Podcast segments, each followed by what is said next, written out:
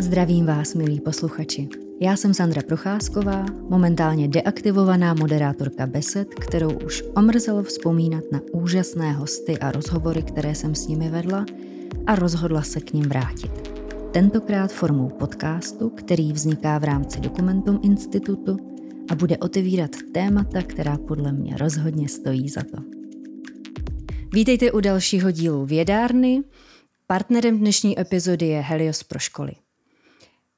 Mým dnešním hostem je člověk, po kterém byla pojmenovaná planetka, popularizátor vědy, autor tří knih věnovaných krásám hvězdné oblohy, první český fotoambasador Evropské jižní observatoře a je vystudovaný astrofyzik, který se ale rozhodl jít jinou cestou, než je sbírání akademických titulů a místo toho sbírá všude možně po světě snímky eh, krás nejenom hvězdné oblohy. Petr Horálek. Dobrý den. Vítejte. Eh, začněme možná trošku netradičně v roce 2017 u velkého amerického zatmění. Eh, vy sám jste do USA vyrazil Můžete zavzpomínat na to, jaká byla vaše očekávání a čeho jste se třeba bál, když jste vyrážel do Ameriky? Já jsem především měl jakýsi sen a sice splnit si eh, poměrně vzácnou věc, nafotografovat všechna zatmění slunce i měsíce toho daného roku. A ten příběh měl vyvrkolit právě v těch Spojených státech a ten příběh byl o to silnější, že bohužel o půl roku dříve, v, únoru 2017 v Argentině, mě okradli a v podstatě neměl jsem vůbec jak dál následovat ten svůj sen. A naštěstí mě teda velice podpořila právě ta Evropská jižní observatoř, která se postarala o veřejnou sbírku, na základě které jsem byl schopen potom nazbírat ty finance a, a potom sehnat techniku, se kterou jsem ten sen si mohl splnit. A pokud eh, šlo o to zatmění samotné, tak tam jsem hlavně doufal, že to vyjde, protože šlo o nejenom teda krásný úkaz, ale o vědecky velice významnou záležitost eh, takhle intenzivně, mnohačetně fotografované, dokumentované zatmění v historii lidstva ještě nebylo. Ten pás zatmění přicházel přes Spojené státy, přes v podstatě nejvíc fotografů a nadšenců a e, i profesionálů e, za celou historii lidstva v novodobém e, technickém čase. Mm-hmm. A mou snahou samozřejmě bylo poskytnout rovněž významná data do projektu profesora Druckmillera a mm-hmm. Habalové. A nebál jste se trochu toho, když jste viděl, jak narůstá ta kulturní a hlavně komerční bublina kolem toho zatmění, protože v Americe to bylo opravdu velké, velké zatmění. Toho jsem se bál a dokonce se to i, jak si ukázalo, že ty obavy byly poměrně oprávněné, zejména teda v den toho zatmění, kde člověk měl chuť aspoň v případě nějaké nepříjemné, eh, nepříjemného vývoje počasí vycestovat jinam, tak se ukázalo, že kdyby náhodou to opravdu nastalo, kdyby to, to nepříjemné počasí bylo, tak bylo velice obtížné se někam přesunout za tím jasnem, protože mhm. ta bublina byla taková, že opravdu eh, v tom pásu toho zatmění, kde Eh, přecházela silnice v podstatě po délce toho, té centrální linie, tak tam už to bylo zavřeno, tam se člověk nemohl pořádně dostat a bylo by to dosti obtížné. A pokud eh, jde o to, jakým způsobem ti lidé na to reagovali obecně už dlouho před tím zatměním, no tak ono se to dalo do jisté míry čekat, protože na ten úkaz se a Spojené státy velice intenzivně upozorňovali už roky, mm-hmm. s tím, že u nich vlastně zhruba asi 20 roků eh, podobně eh, nebylo takové, taková příležitost, že by zatmění slunce přicházelo přes celé státy a eh, v dnešní technické době to byla obrovská výzva. Prostě najednou lidé měli mobily, mohli to zaznamenat výrazně lépe než před těmi více jak 20 lety, kdy to tam bylo předtím. A tím spíš se očekávalo, že ani ne tak to vidět, jako spíš zaznamenat, to bude chtít opravdu každý. Mm-hmm. No a na základě toho, že třeba i eh, NASA eh, jak si svolala nebo vyhlásila jakousi ak- akci eh, zapojení veřejnosti do fotografování toho úkazu, ačkoliv z vědeckého hlediska to nemělo zase až tak velký impact, tak to ještě více nabudilo to, to šílenství a to se tam mhm. opravdu projevilo. Mm-hmm. Jaký zážitek jste si nakonec eh, odnesl? Stihl jste si to vůbec užít přes všechen ten humbuk a stresy okolo? My jsme měli poměrně klidné prostředí, protože ta naše skupina, která byla v Guernsey, což je nedaleko mm. takové přehrady, tak ta byla poměrně odkloněna od všech těch davů. Byli jsme v takové izolované oblasti u Jurtu, kde byla opravdu hlavně ta vědecká část té eh, expedice Havajské univerzity a ta byla oplocená, ta část, kde jsme pozorovali a potom až nějaké asi dva kilometry od nás bylo oficiální pozorování pro veřejnost, které teda bylo zaplněno tisícovkami lidí, ale naštěstí k nám nikdo nepřišel. Takže my jsme měli to pozorování paradoxně velice klidné, dokonce ani ti lidé dáli moc nebyli slyšet a já jsem si to vychutnal poměrně dobře. Eh, I když to bylo docela krátké zatmění, z tohohle pohledu eh, já to nevnímám jako velké zatmění, jak to mm-hmm. nazvali eh, američané, protože pro mě velké zatmění znamená, že je dlouhé a v tomhle případě to trvalo něco málo přes dvě minuty, což je ještě stále málo na to, aby člověk si to zapamatoval ale přesto to bylo takové velebné, velice pěkně to proběhlo na naprosto jasné obloze. Podařilo se to nádherně nafotografovat a samozřejmě byli kolem lidé i v rámci té expedice, kteří to ještě v životě neviděli předtím mm-hmm. a sledovat jejich emoce, když to spatřili a že opravdu teda eh, jim padaly i slzy z očí, mm-hmm. tak to bylo, to bylo mimořádně krásné, že prostě ta satisfakce se tam projevila eh, ve všech ohledech. Mm-hmm. Toto konkrétní zatmění se objevilo i ve filmu o profesoru Druckmillerovi v Heliosu, eh, kde jste, na kterém jste se podílel i vy a padla tam z vašich úst úžasná věta, že když všichni říkají, že něco nejde, tak se pak objeví jeden blázen, který to neví a udělá to, což je naprosto úžasná a inspirativní věta. Eh, co na filmu vy sám za sebe nejvíc oceňujete? Co se vám na něm nejvíc líbí? Mně se líbí především eh, vykreslení toho, eh, jaký profesor Druckmiller je. Vy tam můžete vidět, že je to především nadšenec. Hmm. Eh, mně teda bylo trošku líto, že to bylo až takhle, nebo že to možná tak vyznělo podivně, že jsem ho nazval bláznem. To samozřejmě bylo v tom nejlepším slova smyslu. Blázen jako nadšenec, nikoli hmm. blázen, že by byl vyšinutý, to vůbec ne. On je naopak nesmírně moudrý a má to všechno velice dobře srovnané. A i vzhledem k tomu, jakým způsobem je nadšený a, a co všechno přináší světu, tak je to především uh, hlava nebo otec uh, velice, velice uh, pestré rodiny, velice hrdý otec a vlastně i dědeček. A v tomhle ohledu v něm vidíte ještě výrazně silnějšího jako inspirátora pro lidi kolem, protože nejenom, že to je nadšenec do svého oboru, ale zároveň prostě je to jakýsi vzor jakéhosi morálního základu v naší mm-hmm. společnosti, čili v tomto ohledu si myslím, že ten film ho nesmírně krásně popsal. Řada diváků po zhlédnutí právě v jejich reakcích bylo slyšet, že jim přijde profesor velmi inspirativní, ale předtím ho třeba neznali, většina z nich. Což o vás neplatí. Vzpomenete si, kdy jste poprvé narazil na jméno nebo práci profesora Druckmillera? Ano, a to bylo v roce 2001, kdy se poprvé objevily fotografie, které on zpracoval eh, v eh, z svých dat během úplného zatmění slunce v Maďarsku v roce 99 a objevil se tehdy eh, na jedné konferenci České astronomické společnosti, kde, což už jako samo o sobě o něm něco říkalo, bez jakéhokoliv požadavků na nějaké velké finance, prostě všem těm členům eh, nakopíroval ty svoje snímky na CD a rozdal eh, to těm členům té konference s tím, že akorát prostě lidé měli zaplatit nějakých 5 korun nebo 10 korun za, za cenu toho CD, ale to mm-hmm. cena té práce, to, to on vůbec eh, nějakým způsobem nechtěl řešit a mě to nesmírně zaujalo, že člověk, který dokázal něco tak revolučního, tak přesto to lidem nabízí prostě jenom eh, s, se svým nadšením, že se o to chce podělit, protože on se prostě o to chce hlavně podělit. Mm-hmm. A později teda, když jsme eh, se začali více seznamovat eh, e-mailem, protože jsme ještě nebyli jaksi dlouze, dlouhá léta v kontaktu osobně, tak to probíhalo tak, že opravdu jsme si povídali o všech zajímavostech, pokud jde o focení nejenom zatmění slunce, ale i, i noční oblohy a kde jsem si ho tak říkajíc natěsno, jak si e, měl možnost poznat, hmm. tak to bylo v roce 2007, kde jsem natáčel svůj takový amatérský dokumentární film s názvem Tajemná zatmění, který potom teda se dočkal té knižní podoby a v něm jsem ho vyspovídal v rámci rozhovorů A tehdy jsem ho tedy poprvé měl možnost poznat více osobně a tehdy vlastně se spustila i ta úžasná spolupráce. Mm-hmm.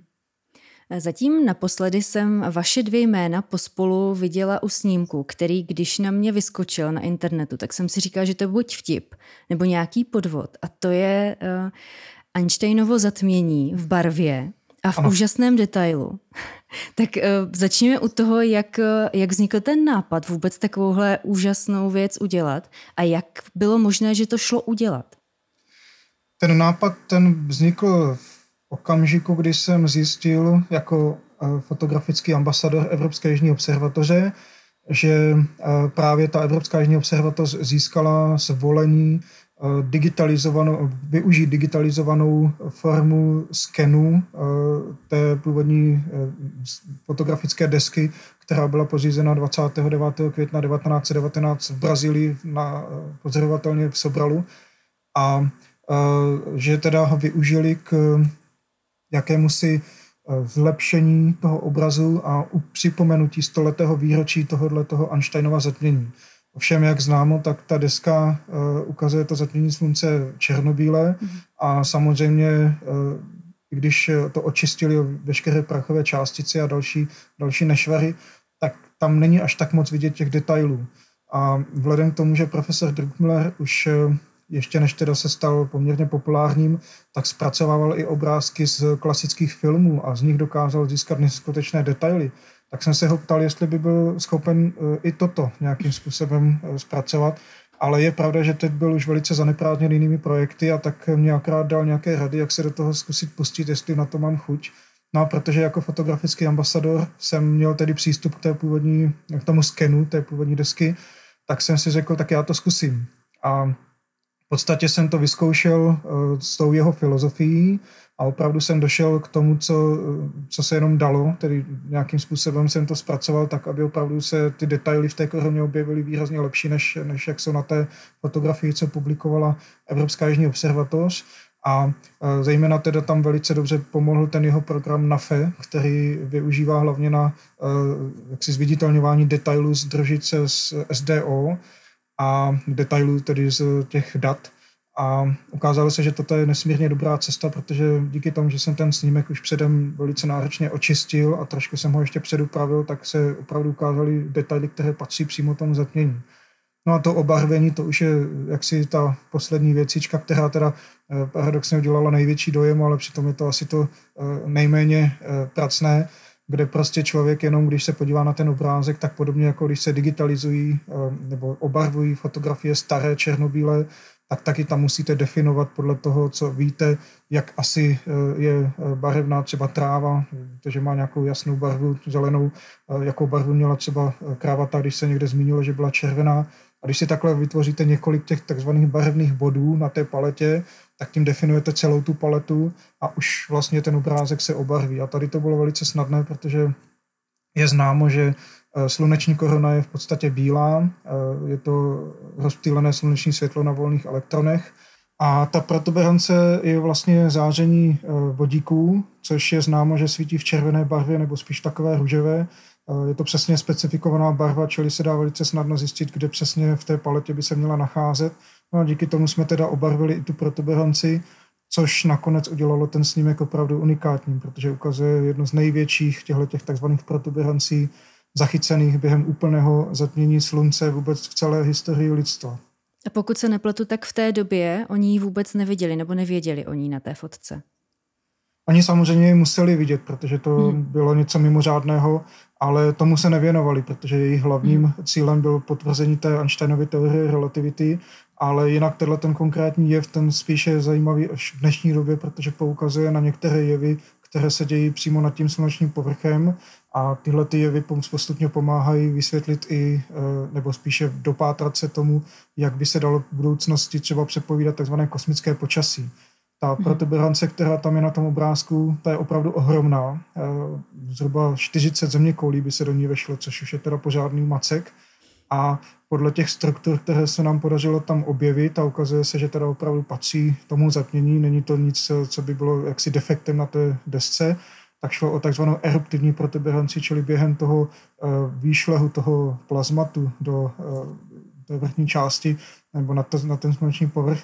Zároveň došlo k uvolnění obrovského množství energie a během tohohle toho teda ta protuberance se postupně velice dynamicky měnila. Mm-hmm. Je velká škoda, že nejsou až moc, nebo v podstatě nejsou digitalizované uh, snímky i z Princova ostrova, kde byl Arthur Eddington, uh, protože my vlastně jsme digitalizovali fotografii ze Sobralu. Ty expedice měly dvě větve, jedna byla v Brazílii, druhá na Princevě ostrově.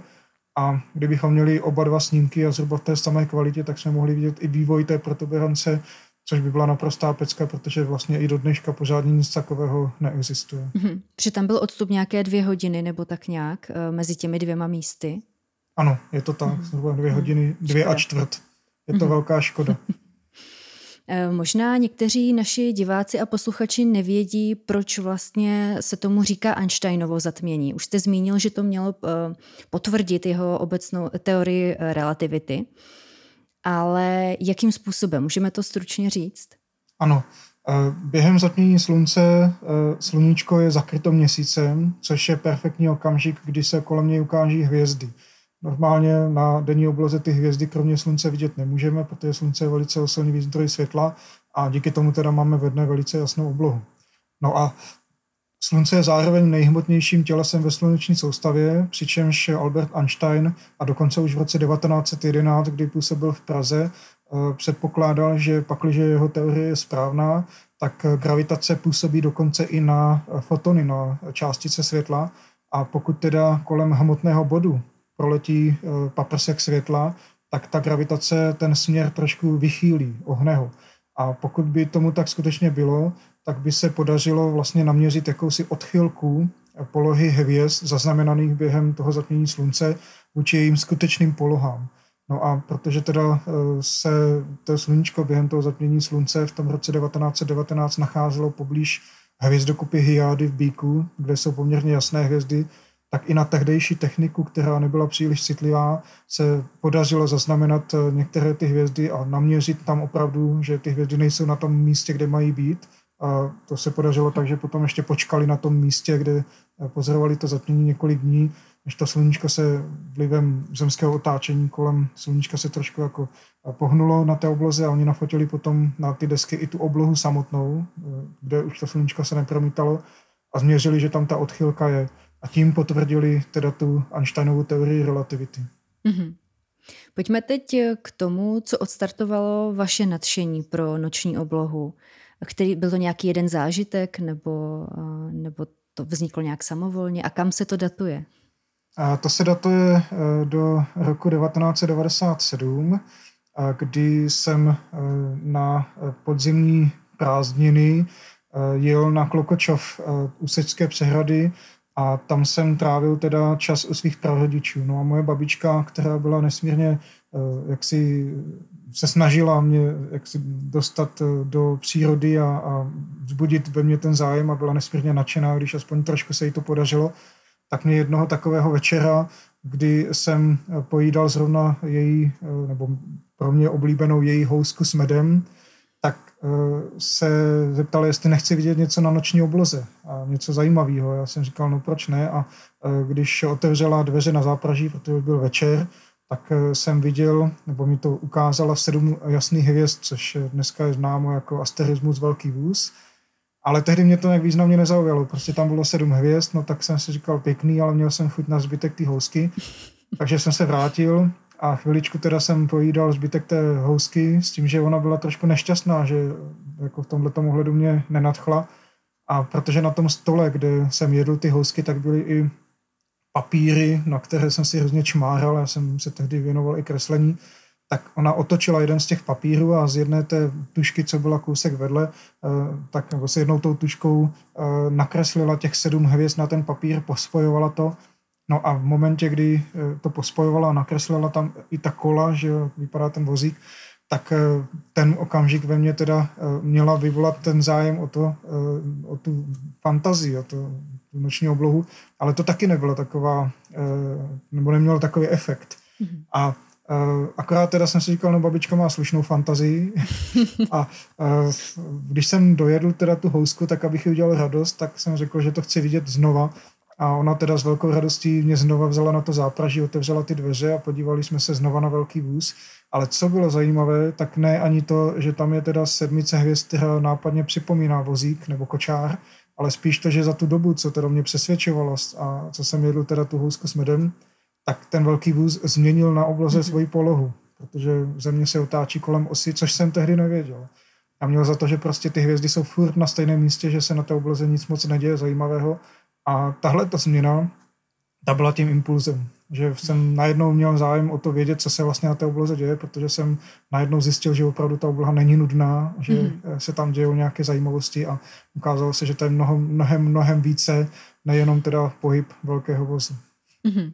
A čím vás tolik zaujala později zatmění slunce?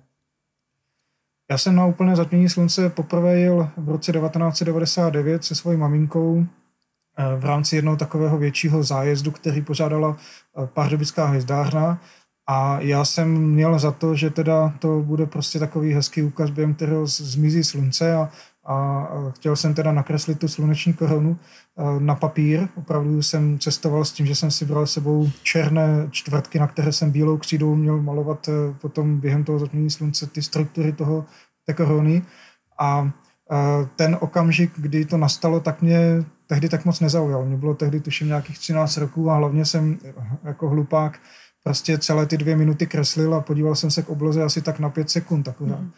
A takže to byl první kontakt se zatměním, který teda ve mně nevzbudil takový dojem. Ovšem, když e, o sedm let později, v roce 2006, jsme znovu vycestovali s e, Pahdybickou hvězdárnou e, do Turecka za úplným zatměním slunce, no, tak tam nastalo právě to, co jsem vysvětloval na začátku. Nastalo takové to zapamatovatelné zatmění. Prostě už bylo dost dlouhé, že člověk si z něho opravdu pamatoval mnoho a protože já jsem čerstvě byl poprvé v životě u moře, tak pro mě tohle to byl samozřejmě zážitek sám o sobě, prostě být u moře a během toho ještě eh, při poslouchání, šplouchání těch vln uvidět teda to zatmění slunce, které se odehrálo 29. března roku 2006 a trvalo téměř 4 minuty. A my jsme eh, cestovali na pláž eh, u městečka Zirali, kde se najednou ukázalo v průběhu několika desítek minut před zatměním slunce asi 2000 lidí. No a ve mně se do dneška, jak si, eh, ty, do dneška ve mně rezonují ty neskutečné emoce, které provázely celý ten úkaz. A vlastně tehdy teprve to spustilo tu silnou vášeň, i když ten úkaz samotný byl samozřejmě taky krásný. Ty paprsky té sluneční koruny byly tehdy mimořádně dlouhé a člověk opravdu měl pocit, že vidí něco neskutečného, ale především ty emoce, které v tom Maďarsku jsem zas tak moc nezažil, tak ty to ve mně, eh, jak si velice, nebo ty se ve mně velice hluboce zakořenily a od té doby uh, jsem to vzal v podstatě uh, hopem, uh, že zatím jezdím jak můžu, protože to je jak droga. Jo? Někteří prostě potřebují si tak říkajíc, vy, vyhulit marihuanu nebo, nebo být na hokeji, aby zažili nějaké neskutečné emoce. A pro mě to je zatmění slunce, které ve mně vyvolává prostě maximální štěstí, které jen tak něco jiného nevyvolá. Tak oproti těm hokejovým fanouškům máte ale tu smůlu, že oni můžou jít eh, každý týden třeba, když to vy hmm. musíte čekat roky. Je to, je to bohužel pravda, samozřejmě o to silnější je potom satisfakce, když se to hmm. podaří, protože eh, ti hokejoví fanoušci eh, na to chodí do jisté míry z jakési setrvačnosti ale v mém případě je to opravdu o tom, že každé zatmění slunce je naprosto jiné a vždycky, když se to nakonec podaří, tak ten pocit toho štěstí a to blaho, které prostě se uh, zanechá v té duši, tak to se trvá uh, v podstatě do konce života. Každé zatmění slunce, které si teď vybavím, tak ve mně vyvolává nějaký neskutečně silný, uh, unikátní pocit, které jiný, jiné zatmění slunce nevyvolalo a je to většinou spojeno i s tou krajinou, s tím cestovatelským zážitkem.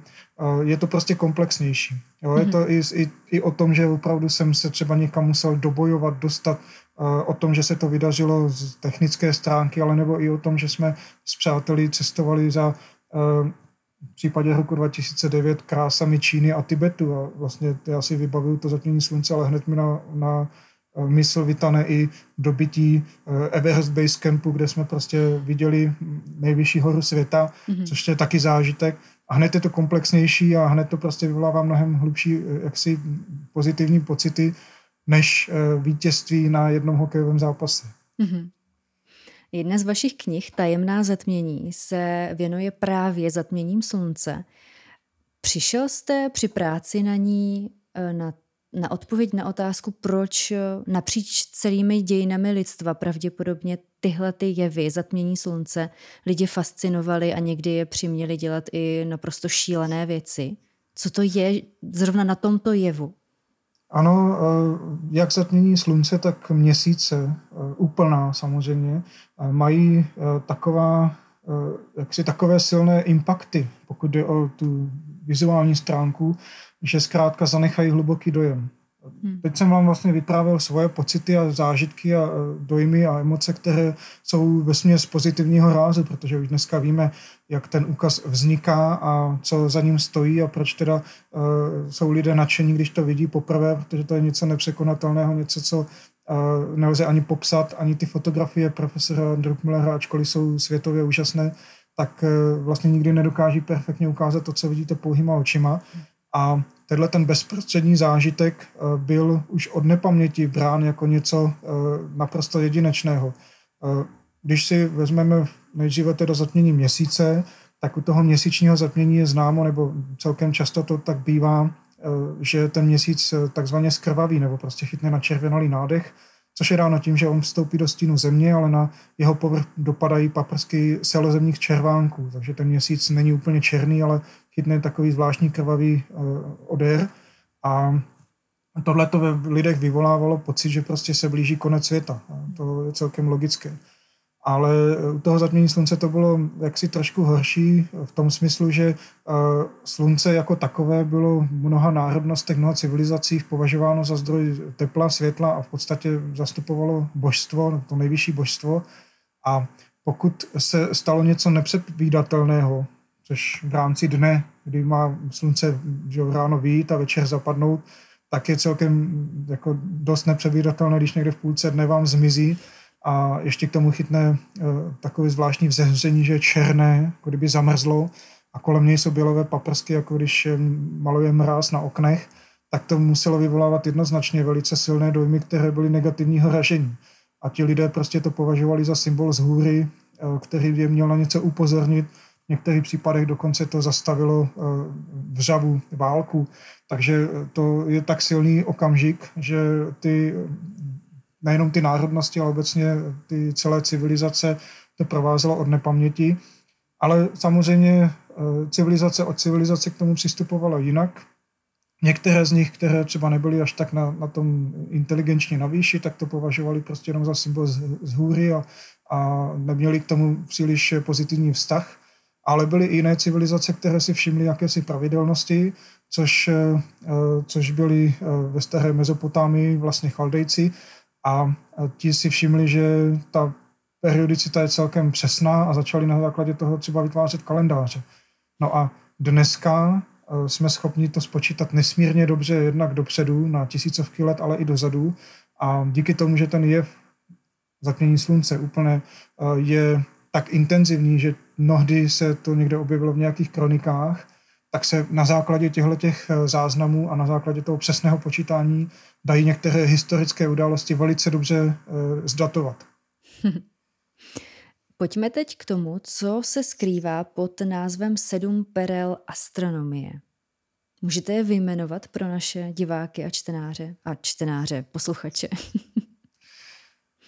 Sedm perel astronomie je taková sedmice nejpozoruhodnějších nebo nejvzácnějších ukazů, které by eh, si měl či mohl smrtelník eh, vychutnat za svého života, aniž by věděl cokoliv o astronomii, protože je to tak jaksi uchvatná podívaná, že nemusí nutně vědět nic o hvězdách a přesto ho to zaujme. A s touhle myšlenkou jsem vysloveně nepřišel já. Je to taková věc, která, eh, kterou mě kdysi řekl můj kamarád, bohužel nedávno zesnulý astronom Martin Lehký, eh, požitkář, milovník taky sluneční zatmění. A když jsme spolu seděli eh, při pozorování komet na lavičce a povídali jsme si o hvězdách a o cestování a on říkal, že prostě na oboze je takových sedm perel astronomie, který by měl každý z nás vidět.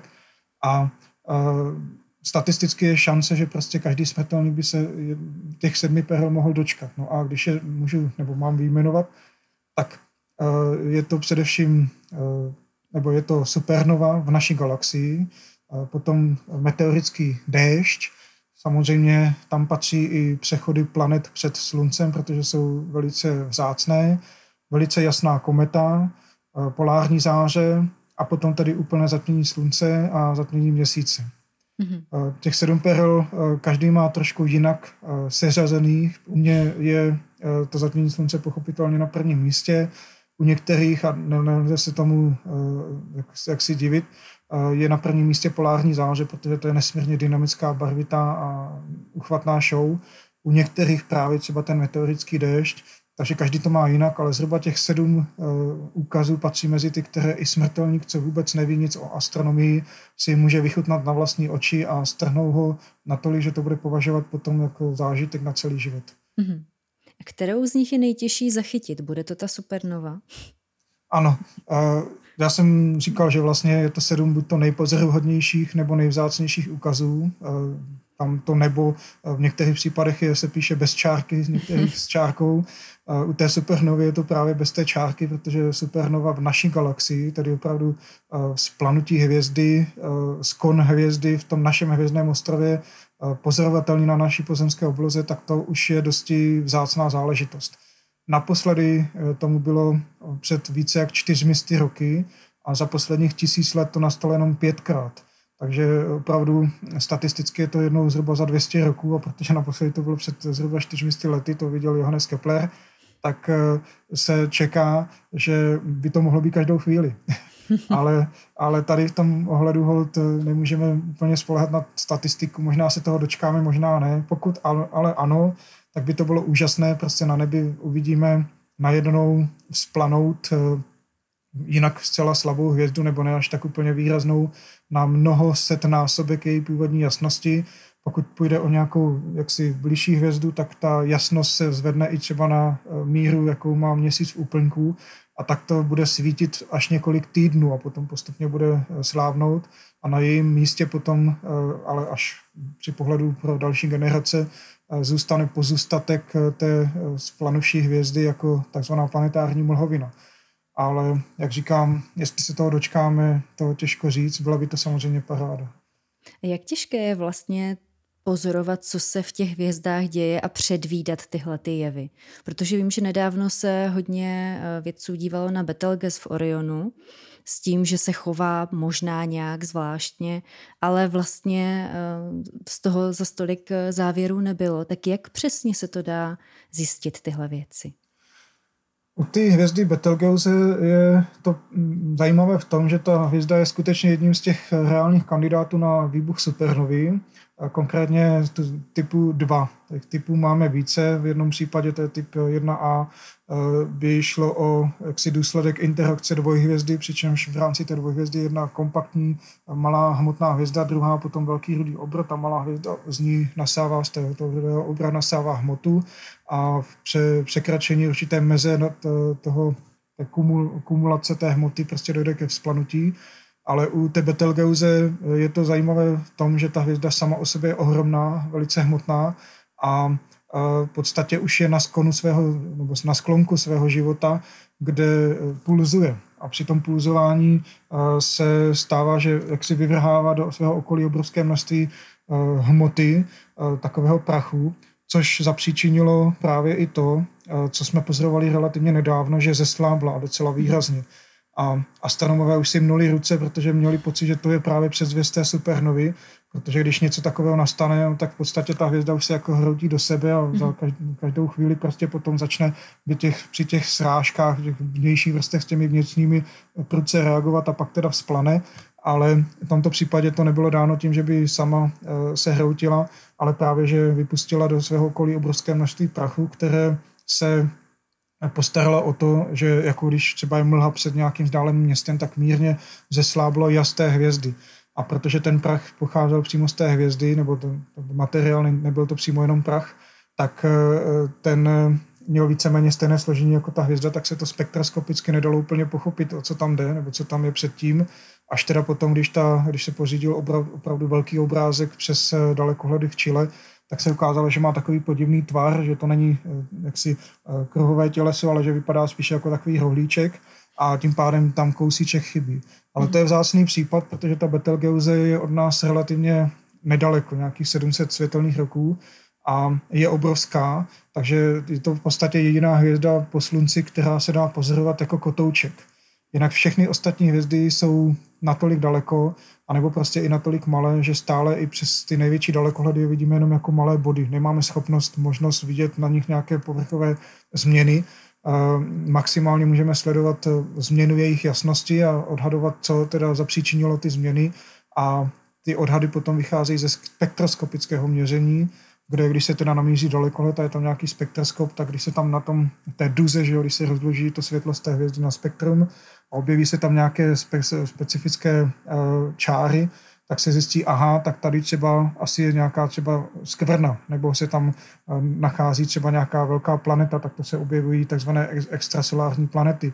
A uh, tyhle ty věci, nebo tyhle ty cesty, to spektroskopické pozorování těch hvězd, nejvíce pomáhá zjišťovat a odhadovat, co se s těmi hvězdami stane. V podstatě nic jiného nám nezbývá, než je sledovat spektroskopicky z těchto těch eh, spektr zjišťovat jejich uh, současný stav, no a zároveň na základě toho, jak jsou ty hvězdy jasné, tak počítat přesně, jak jsou daleko podle svítivosti a tím spíš potom odhadnout, jak jsou ty hvězdy velké a proč se chovají tak a tak. Mm-hmm. Pojďme teď zpátky k focení. Eh, příprava na takovou expedici fotografa, astrofotografa se určitě liší podle toho, kam vyrážíte a co chcete fotit. Vybavíte si nějakou expedici nebo výpravu, která byla extrémně náročná na přípravu?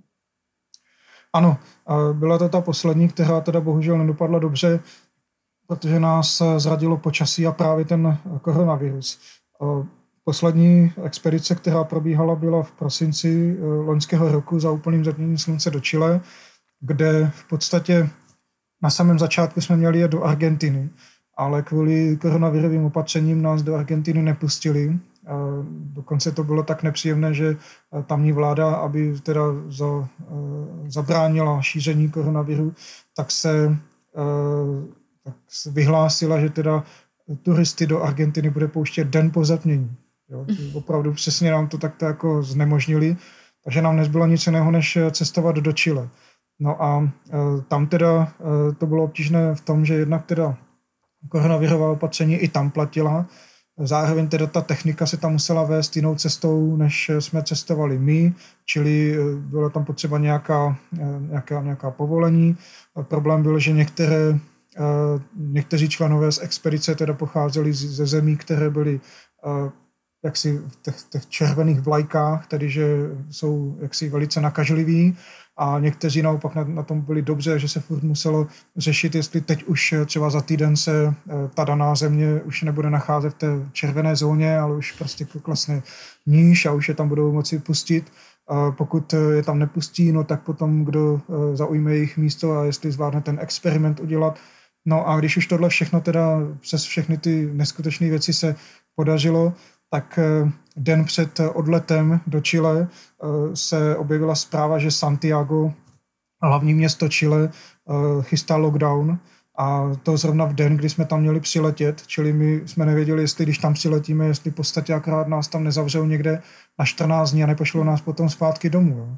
No ale, a to jsme neměli šanci zjistit, už jsme prostě nasedali na letadlo s naprostou nejistotou, co bude pak jsme teda přiletěli eh, do Chile, tam jsme zjistili, že naštěstí eh, čilská vláda to brala tak nebo zorganizovala tak, že ti, kteří byli dopředu za, eh, zarezervovaní nebo zaregistrovaní jako expedičníci za vědeckými expedicemi, tak ty měli jaksi volnou ruku a mohli cestovat po Chile na ta svá místa, která, měla, která měli předurčena, s tím, že ale tam měli strávit jakési karanténní období v podstatě trávit karanténu v pásu totality zatmění, to není špatné, jenom čekat na, na ten úkaz.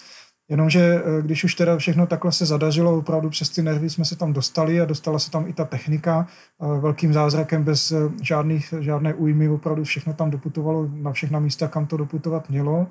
No tak se samozřejmě o to nepříjemnost postaralo počasí jak na potvoru právě v den zatmění a právě jenom v tom pásu toho zatmění. Opravdu, když jste cestovali mimo na jich, na sever od pásu zatmění, tak jenom v tom pásu zatmění bylo zataženo.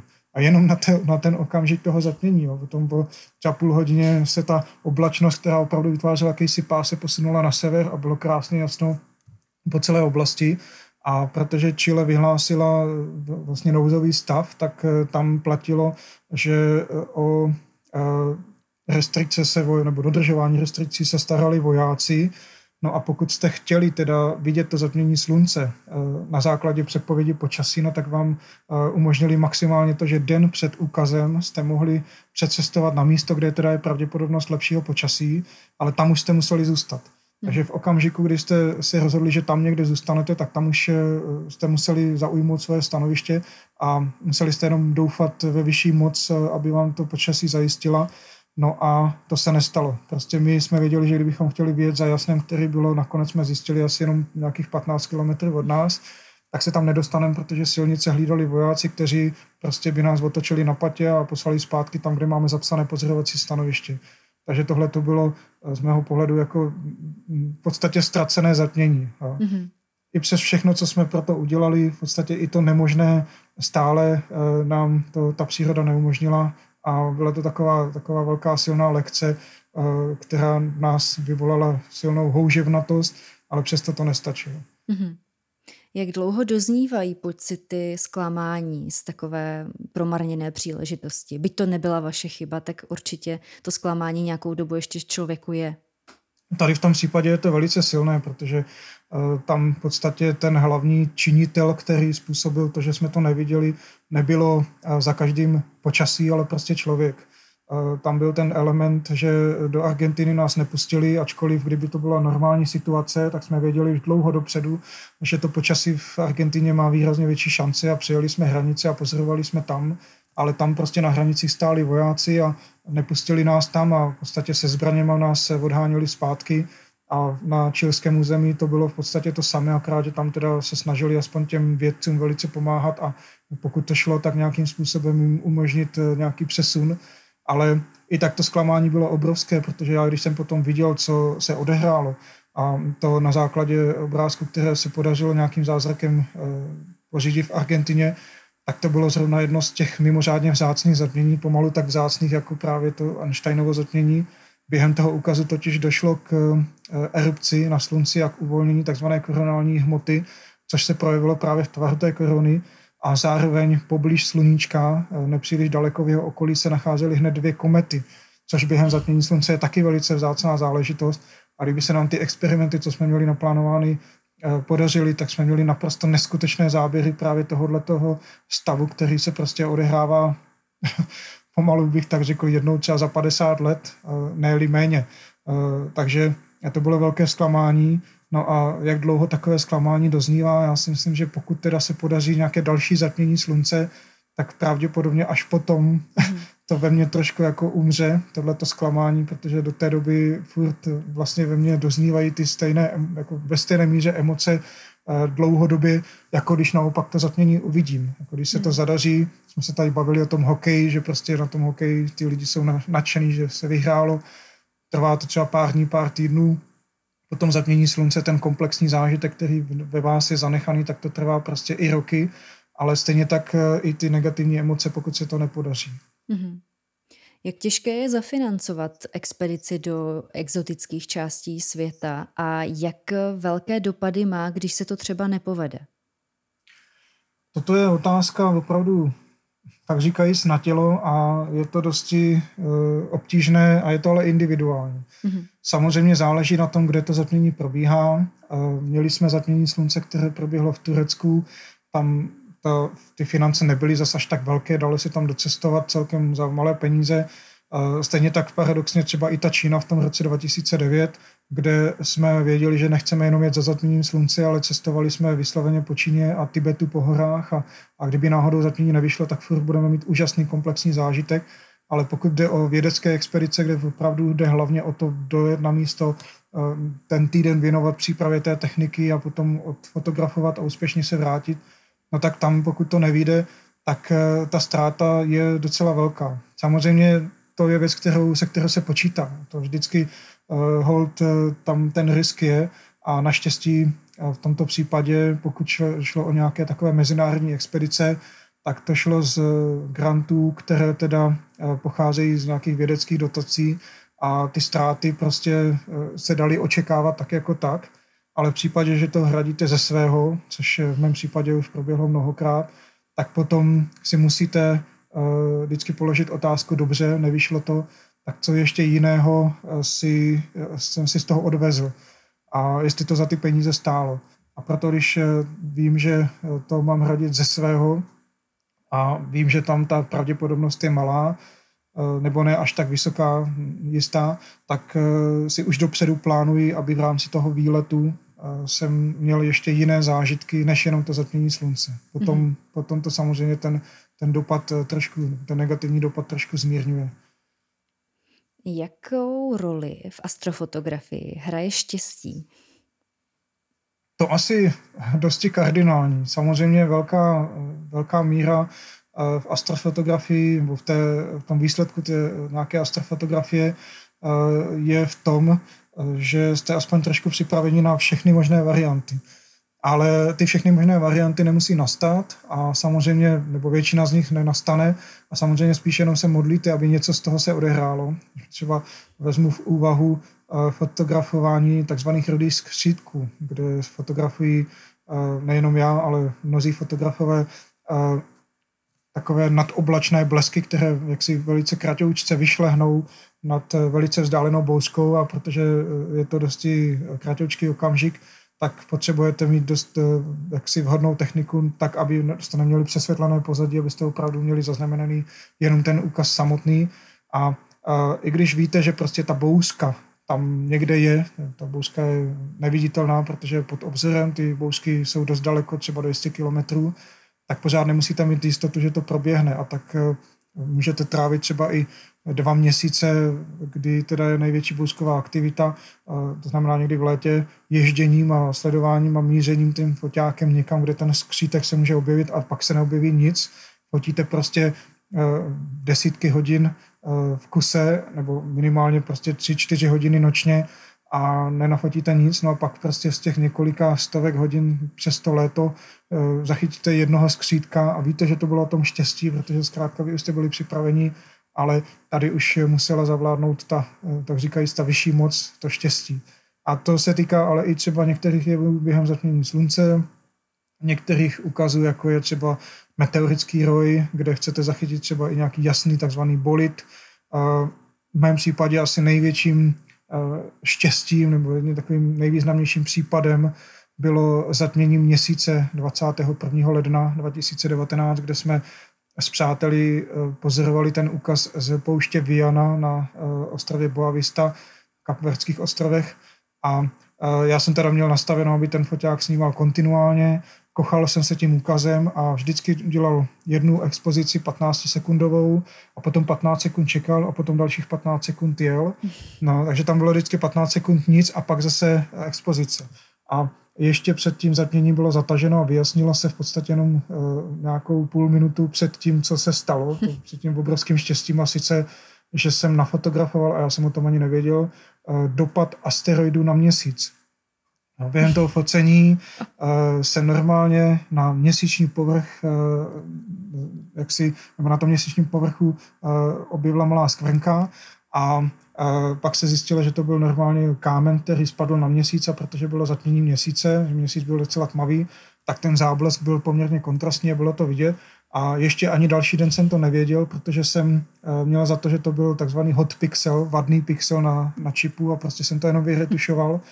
A pak jsem si všiml, že mnoho lidí po celém světě nafotilo to samé a uvědomil jsem si, jak ohromná eh, věc to je a to je prostě záležitost, která je eh, statisticky jedna ku třeba deseti milionů. A když si ještě vezmete, že opravdu půl minuty před eh, tím dopadem jsem měl zataženo, že opravdu to se roztálo jenom právě na ten úkaz a pak to už bylo jasno a že jsem to trafil, že ta expozice zrovna běžela. No, ne, že to bylo těch 15 sekund, kdy ten foták nefotil, no tak to bylo neskutečný štěstí. Mm-hmm. Teď jsme probrali štěstí. A co schopnost improvizace nebo tvůrčího přístupu? Třeba když se náhle změní podmínky nebo e, nějaká část techniky vypadne a musíte rychle zareagovat, protože nechcete přijít o možnost fotit. Jak cená je to vlastnost pro astrofotografa umět tvůrčím způsobem vyřešit tyhle ty věci? To je velice významné, určitě. A ono i s tímhle tím, ale tak nějak ten fotograf musí dopředu počítat. Zejména pokud jde o jevy, které víme, že se že nemůžeme máčknout tlačítko eh, revert a, a jako dát zpátky a přehrát si to znova. Uh, u zatmění slunce obzvlášť, protože to je vzácná záležitost a v podstatě každé zatmění je vzácné. U některých jevů, které trvají dlouze, tak tam máte šanci, že prostě potom ještě můžete to dohnat, eh, když si třeba nabijete baterie nebo tak.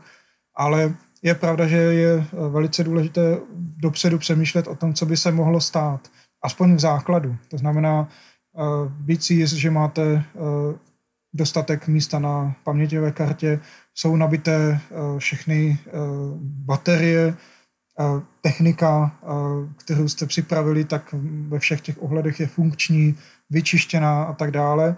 Tohle to všechno jsou takové základní věci, no a pak ty zkušenosti se samozřejmě nabírají z lety, takže potom zjistíte, že některé věci se stávají jenom u konkrétních typů foťáku, takže dát si na to pozor, a to jsme taky narazili právě s profesorem Druckmillerem, že jeden konkrétní foťák se chová špatně při jednom nastavení a vlastně tím bylo, bylo špatné, byla špatná všechna data, která jsem nafotil u zatmění slunce. Takže eh, toto všechno je dobré si zohlednit, no a pokud eh, jako máte aspoň základní přehled nad všemi těmi možnými problémy, tak ono na to potom už eh, nemusí dojít. Ale když už na to dojde, tak je podstatné hlavně zachovat hlavnou, chladnou hlavu a e, já třeba jsem i s ohledem třeba na jiné jevy, jako je třeba ten rudý skřítek, tak jsem se snažil zachytit teda krásně rudé skřítky v Chile, když jsem jako fotografický ambasador byl na observatoři Paranal a tam jsem opravdu zaznamenal to krásně toho skřítka nad vzdálenými Andami, ale bylo mi to trošku líto, že tam není skoro nic dalšího než jenom ty Andy, ale uvědomil jsem si, že kousek vedle z toho pohledu, to, to bylo už docela dlouhé ohnisko, tak když by to pootočil vedle, tak je tam zrovna kopulka s dalekohledem. Takže já jsem rychle zareagoval, že jakmile jsem viděl, že se tam objevil ten skřítek, tak jsem hned potom pootočil.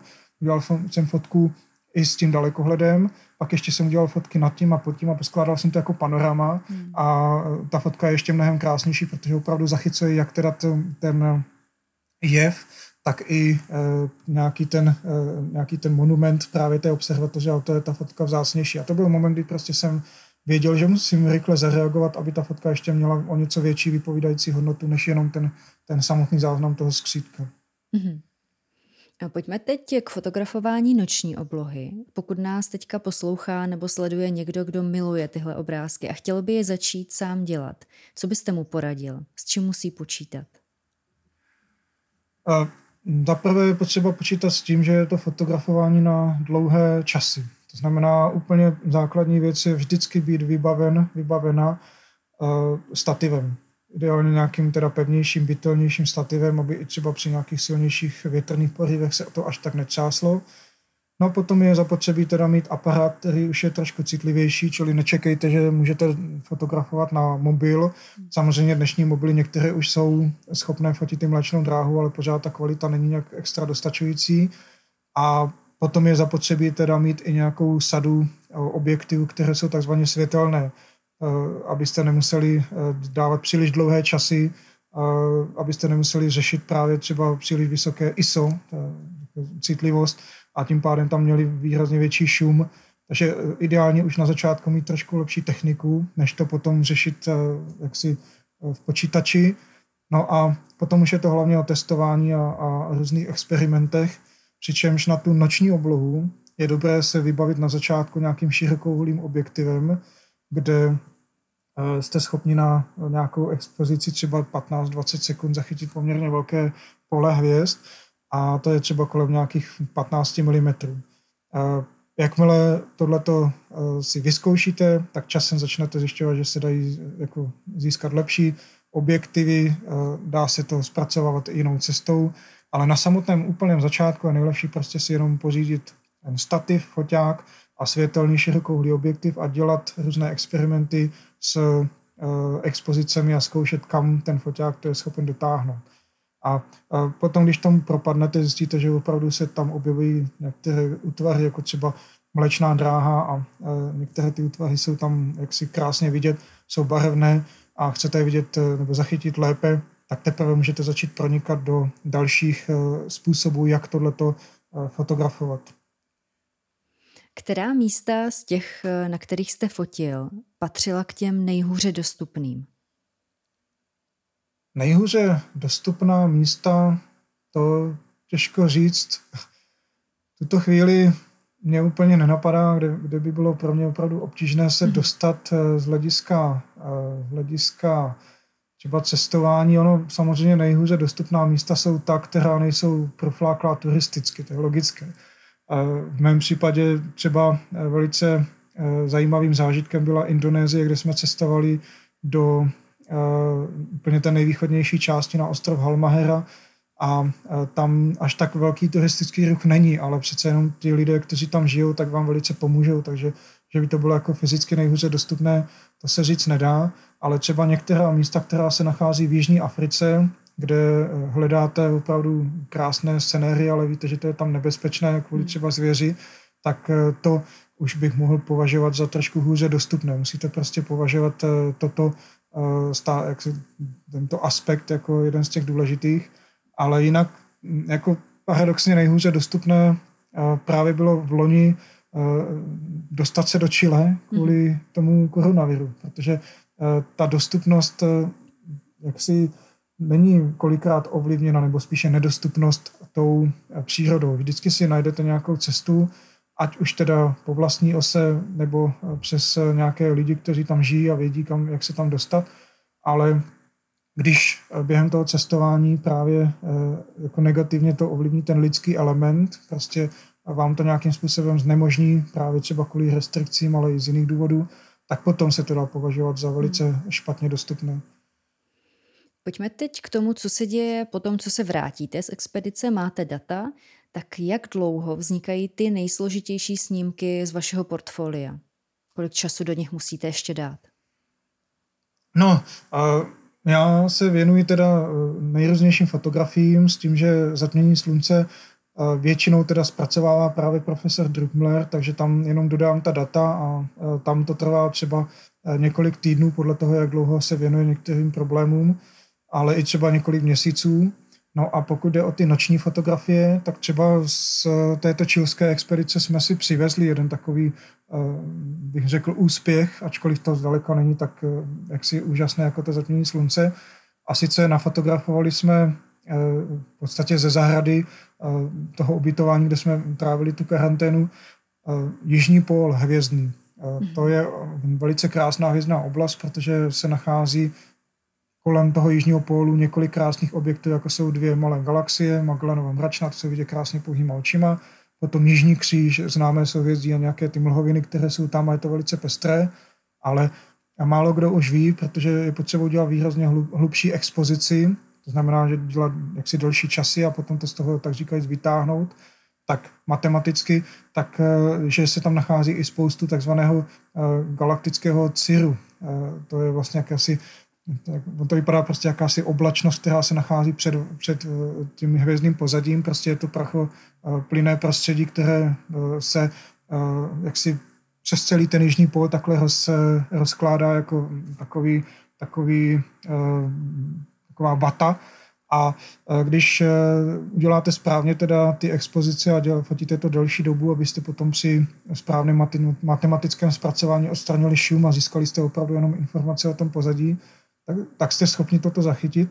No a tam jsme teda přistupovali k tomu focení, takže opravdu jsme to chtěli mít co nejdetailněji a nejprecizněji a to zpracování samotné trvalo už dlouho, protože tam je potřeba udělat několik matematických cest, operací, které potom dovedou ten snímek dokonalosti a v tomto případě to bylo e, několik desítek hodin. Nemůžete přesně říct, kolik to bylo, ale čistého času to bylo určitě několik desítek hodin, třeba 80-90 hodin a jsem na tom obrázku dělal nějaké asi tři nebo dva týdny určitě. Mm-hmm. Je řada astrofotografů, kteří nemají eh, fyzikální ani astrofyzikální vzdělání. V čem pomáhá, když ho máte?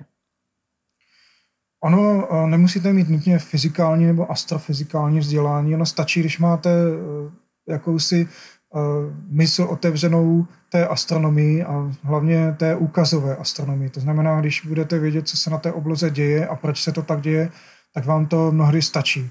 A pokud teda pod tou oblohou trávíte mnoho času a jste teda nějakým způsobem nadšení do přírody, jste zvídaví, tak v podstatě se tomu nevyhnete. Vždycky se budete divit tomu, eh, proč po západu slunce na tmavé obloze leží takový světlý kužel, proč na těch fotkách se tam nachází občas eh, zase na tmavé obloze takové červené nebo zelené eh, cáry světla, proč mlečná dráha v některých místech je spíše taková bělavá, v některých zase taková nahnědlá a tak dále. A dřív či později tyhle ty odpovědi si začnete vyhledávat a samozřejmě si i začnete vyhledávat i proč se dějou některé věci během některých úkazů. Proč třeba eh, během zatmění měsíce je měsíc červený, kdy je nejlepší ho fotografovat eh, během toho úplného zatmění, eh, jaká část na když třeba vybuchne sopka během uh, několika dní před úplným zatměním měsíce, můžete očekávat, že ten měsíc bude tmavší. Proč tomu tak je? Protože zemská atmosféra je zakalená a na ten měsíc dopadá výrazně méně světla.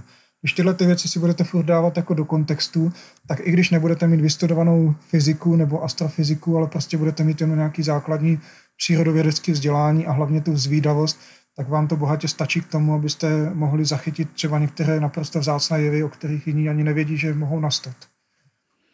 Když jste zmiňoval ty mobily a to, jak dneska každý je zvyklý eh, fotit mobilem hlavně, tak mě vždycky zajímalo, jestli profesionálové taky někdy fotí mobilem. Jak to máte vy? Já teda se přiznám, že vůbec. V mém případě je to dáno tím, že já jsem si eh, jaksi vědom toho, že ten mobil má prostě výrazně menší senzor, na který dopadá to světlo a ze kterého potom dostáváte tu fotku.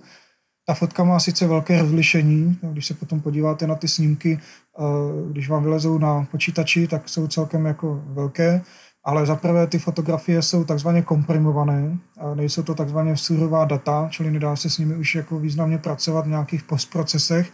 A za druhé to rozlišení, které podávají, tak není takzvaně nativní, to znamená, ne, neodpovídá to přesně tomu, kolik to má těch uh, pixelů, ale je to prostě nějaké před, postpracované rozlišení, které je dáno tím, že je tam nějaký algoritmus, který ten obrázek trošku upraví tak, aby opravdu to byla hezká velká fotka a přesto, když si to ale hodně přiblížíte, tak tam zjistíte, že jsou tam nějaké takové nešvary.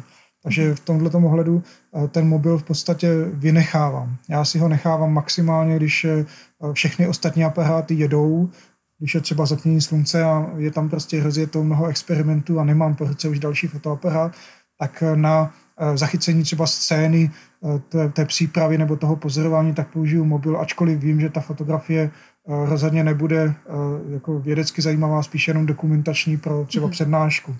To je jediný okrajový případ, kdy ten mobil použiju, ale jinak ve větší míře nebo v podstatě ve všech případech využívám aparáty, u kterých vím, že mají Eh, dostatečně vhodný eh, ten čip a samozřejmě se s těmi obrázky ještě dá něco dělat. Mm-hmm. Kromě toho, že sám fotíte, tak vedete i workshopy, fotografické workshopy. Co bývá nejtěžší lidi naučit nebo odnaučit naopak? Odnaučit, to je otázka. Samozřejmě lidé, když přijedou na ty workshopy, tak očekávají to, že se naučí fotit noční oblohu a když odjíždějí, tak jsou překvapení, kolik eh, je toho potřeba jak si chápat, pokud jde o astrofotografii. Ono totiž eh, mnoho jiných typů fotografie samozřejmě vyžaduje taky výraznou přípravu, eh, určité chápání věcí a, samozřejmě nějakou vlastní, vlastní invenci, ale ta astrofotografie je v tom určitém ohledu mimořádně komplikovanější, protože není to jenom noční fotografie, kde zachytíte nějakou noční scénu a pak si hrajete s obrázkem v barvách a tak dále a potom teda to někde publikujete a je to, má to spoustu lajků, že jo, prodává se to, ale je tam to astro, což je jaksi podstatná věc, protože vy se snažíte tímhle tím typem fotografie ukázat i vědecké komunitě nějaký obrázek, který teda nejenom, že má laickou veřejnost zaujmout, ale i tu vědeckou. A jste proto jaksi v tlaku ze dvou stran. Jednak teda se snažíte eh, ty lajky natchnout a jednak tu vědeckou veřejnost. A eh, tohle to je takové asi nejtěžší naučit právě ty lidi, že oni musí chápat, že pokud teda chtějí dělat vysloveně astrofotografii, tak musí zachovávat během toho zpracování takzvanou fyzikální korektnost. Jo, prostě během focení čehokoliv vy využíváte toho, že to, co fotíte, tak vidíte očima. Dokážete se podívat na tu fotku a řeknete si, jo, tohle to, uh, takhle to zhruba vypadalo. Jenomže v noci lidské oko je výrazně méně citlivé a na barvy v podstatě vůbec, když to aparát ten je stejně citlivý jak ve dne, tak v noci, takže ten vám ty barvy zachytí a najednou vidíte obrázky, které neodpovídají něčemu, s čímž máte vlastní vizuální zkušenost. Mm-hmm. A v tomhle ohledu se najednou objevují dvě možnosti. Buď to prostě půjdete svojí cestou a, a začnete si tam hrát s barvami, protože vám to nikdo nemůže odsoudit. Vždycky jako umělecké dílo tam může obsahovat nějaké takovéhle nesmysly a nikdo, kdo nemá tu zkušenost, že to tak vypadalo, tak eh, vám nemůže říct, že to je špatně. A nebo se vydáte tou cestou korektní a budete se snažit i tu, eh, i, ty, i tu vědeckou komunitu jak si potěšit a budete dodržovat přesná pravidla, která ukazují, nebo která prostě vycházejí z toho, že ten foťák má třeba takzvaně spektrální citlivost konkrétní, že prostě dokáže zachytit konkrétní barvy v konkrétní intenzitě.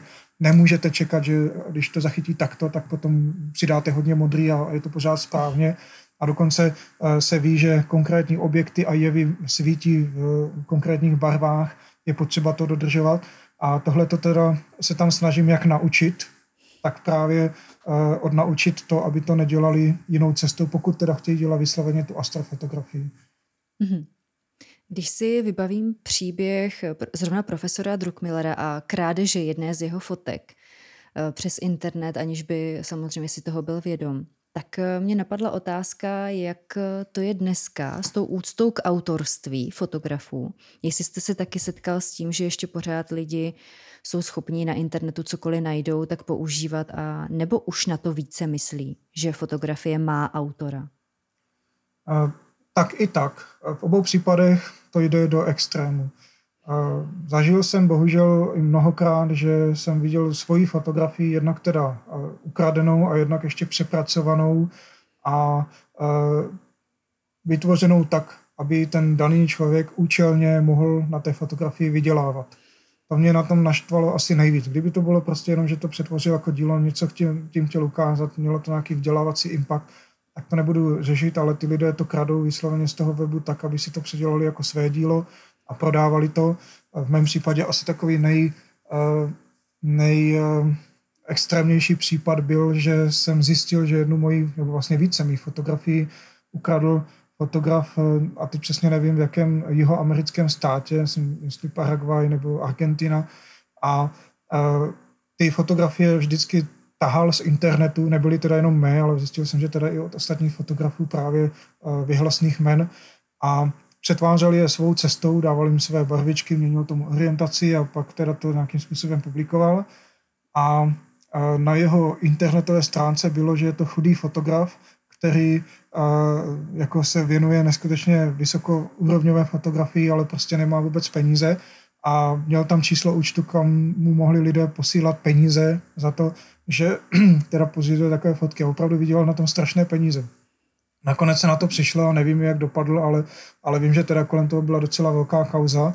Ale je zase pravda na druhou stranu, že eh, v některých případech a tomu napomohlo i to, že prostě jsem i ten fotografický ambasador a Evropská jižní observatoř má velké jméno, tak mnoho lidí eh, z takových spíše už, eh, bych řekl, vzdělanějších komunit kteří vědí, že normálně by o ten obrázek ani nemuseli žádat, protože ho stejně využijí jenom ke vzdělávacím účelům, což na tom webu je kolikrát napsáno, tak se se slušností vždycky zeptají a chtějí, chtějí teda vědět, a nebo dokonce i za ten obrázek nabízejí peníze za nějakou licenci. Takže to, se, to je zase ten druhý extrém, kde kolikrát se lidé s velkou radostí snaží mě podpořit, eh, když znají to pozadí té práce. Co byste ještě rád nafotil? Máte ještě nějaký sen? Já těch snů mám pochopitelně celou řadu.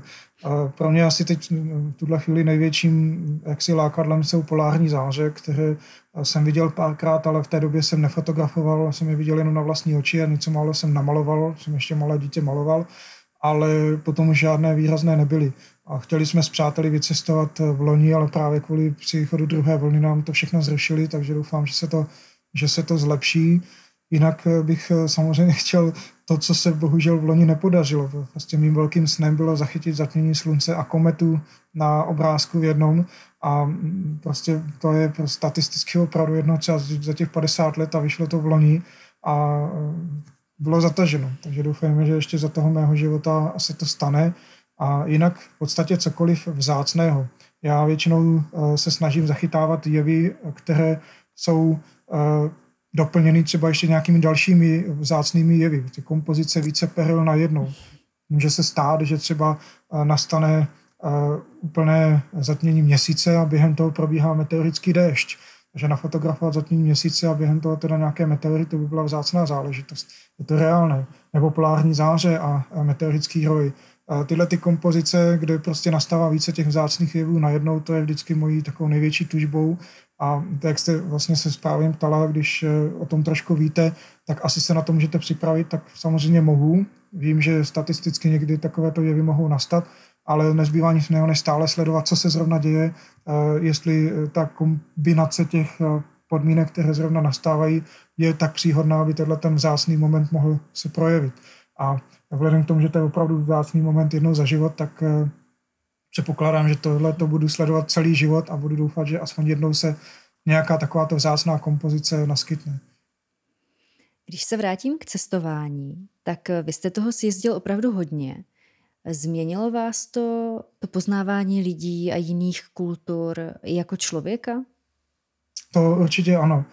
Já jsem eh, dokonce s určitou nelibostí zjistil, že česká povaha je i přes mnoho krásných aspektů stále taková nevyzrála. My Češi, a bohužel třeba i Slováci, ale hlavně teda Češi, máme furt tendenci hodně závidět. Já jsem myslel, že to je jakási obecná lidská povaha a člověk prostě nejlépe by měl mlčet a neukazovat se, aby, aby o něm nikdo nevěděl a neházel na něj špínu. A ukazuje se, že Samozřejmě třeba v určitých sférách se to děje všude ve světě, ale v, běžném, v běžné komunitě je to u nás docela běžné, nebo více běžné, než prostě eh, v komunitě, která vás potká někde eh, třeba v Chile, nebo eh, v Argentině, nebo na Kukových ostrovech, prostě pohlíží na vás jinak. Naopak, když děláte něco dobře, tak vás chtějí podpořit, což u nás se jako ne vždycky podařilo. A Stejně tak si myslím, že třeba my se neumíme usmívat.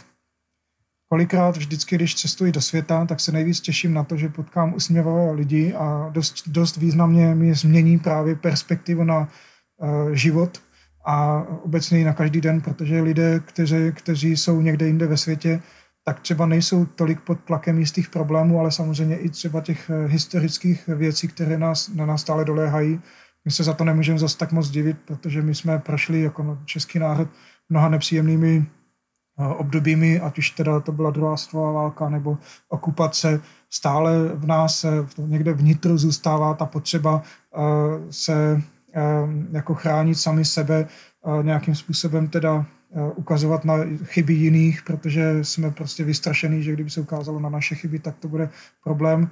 A tohle to třeba v jiných místech jsem nikdy neviděl vždycky, když jsem vycestoval pryč, tak tam lidé byli vždycky usměvaví a nemuseli to být nutně lidé, kteří byli zaměstnaní někde v nějakých rezortech, kde prostě to mají jako povinnost, že se musí věnovat ke svým klientům jako šťastně, ale prostě když jste někoho potkali, tak vždycky se s vámi bavil s velkou uh, radostí a optimismem. Když to tady, když byste obecně chtěli takto se s někým popovídat náhodně, tak se musíte hodně snažit získat jeho důvěru. Jo, prostě hmm. to si myslím, že je takový hlavní kámen úrazu a říkám, nemůžeme vysloveně za to, naše, eh, naš, náš stát si tím prošel mnoha eh, staletími, ať už od, Habs, od Habsburku až prostě po tu nedávnou okupaci, že prostě my jsme velice nedůvěřivý národ. Hmm. Lidé tohoto národa a proto se taky tak chováme.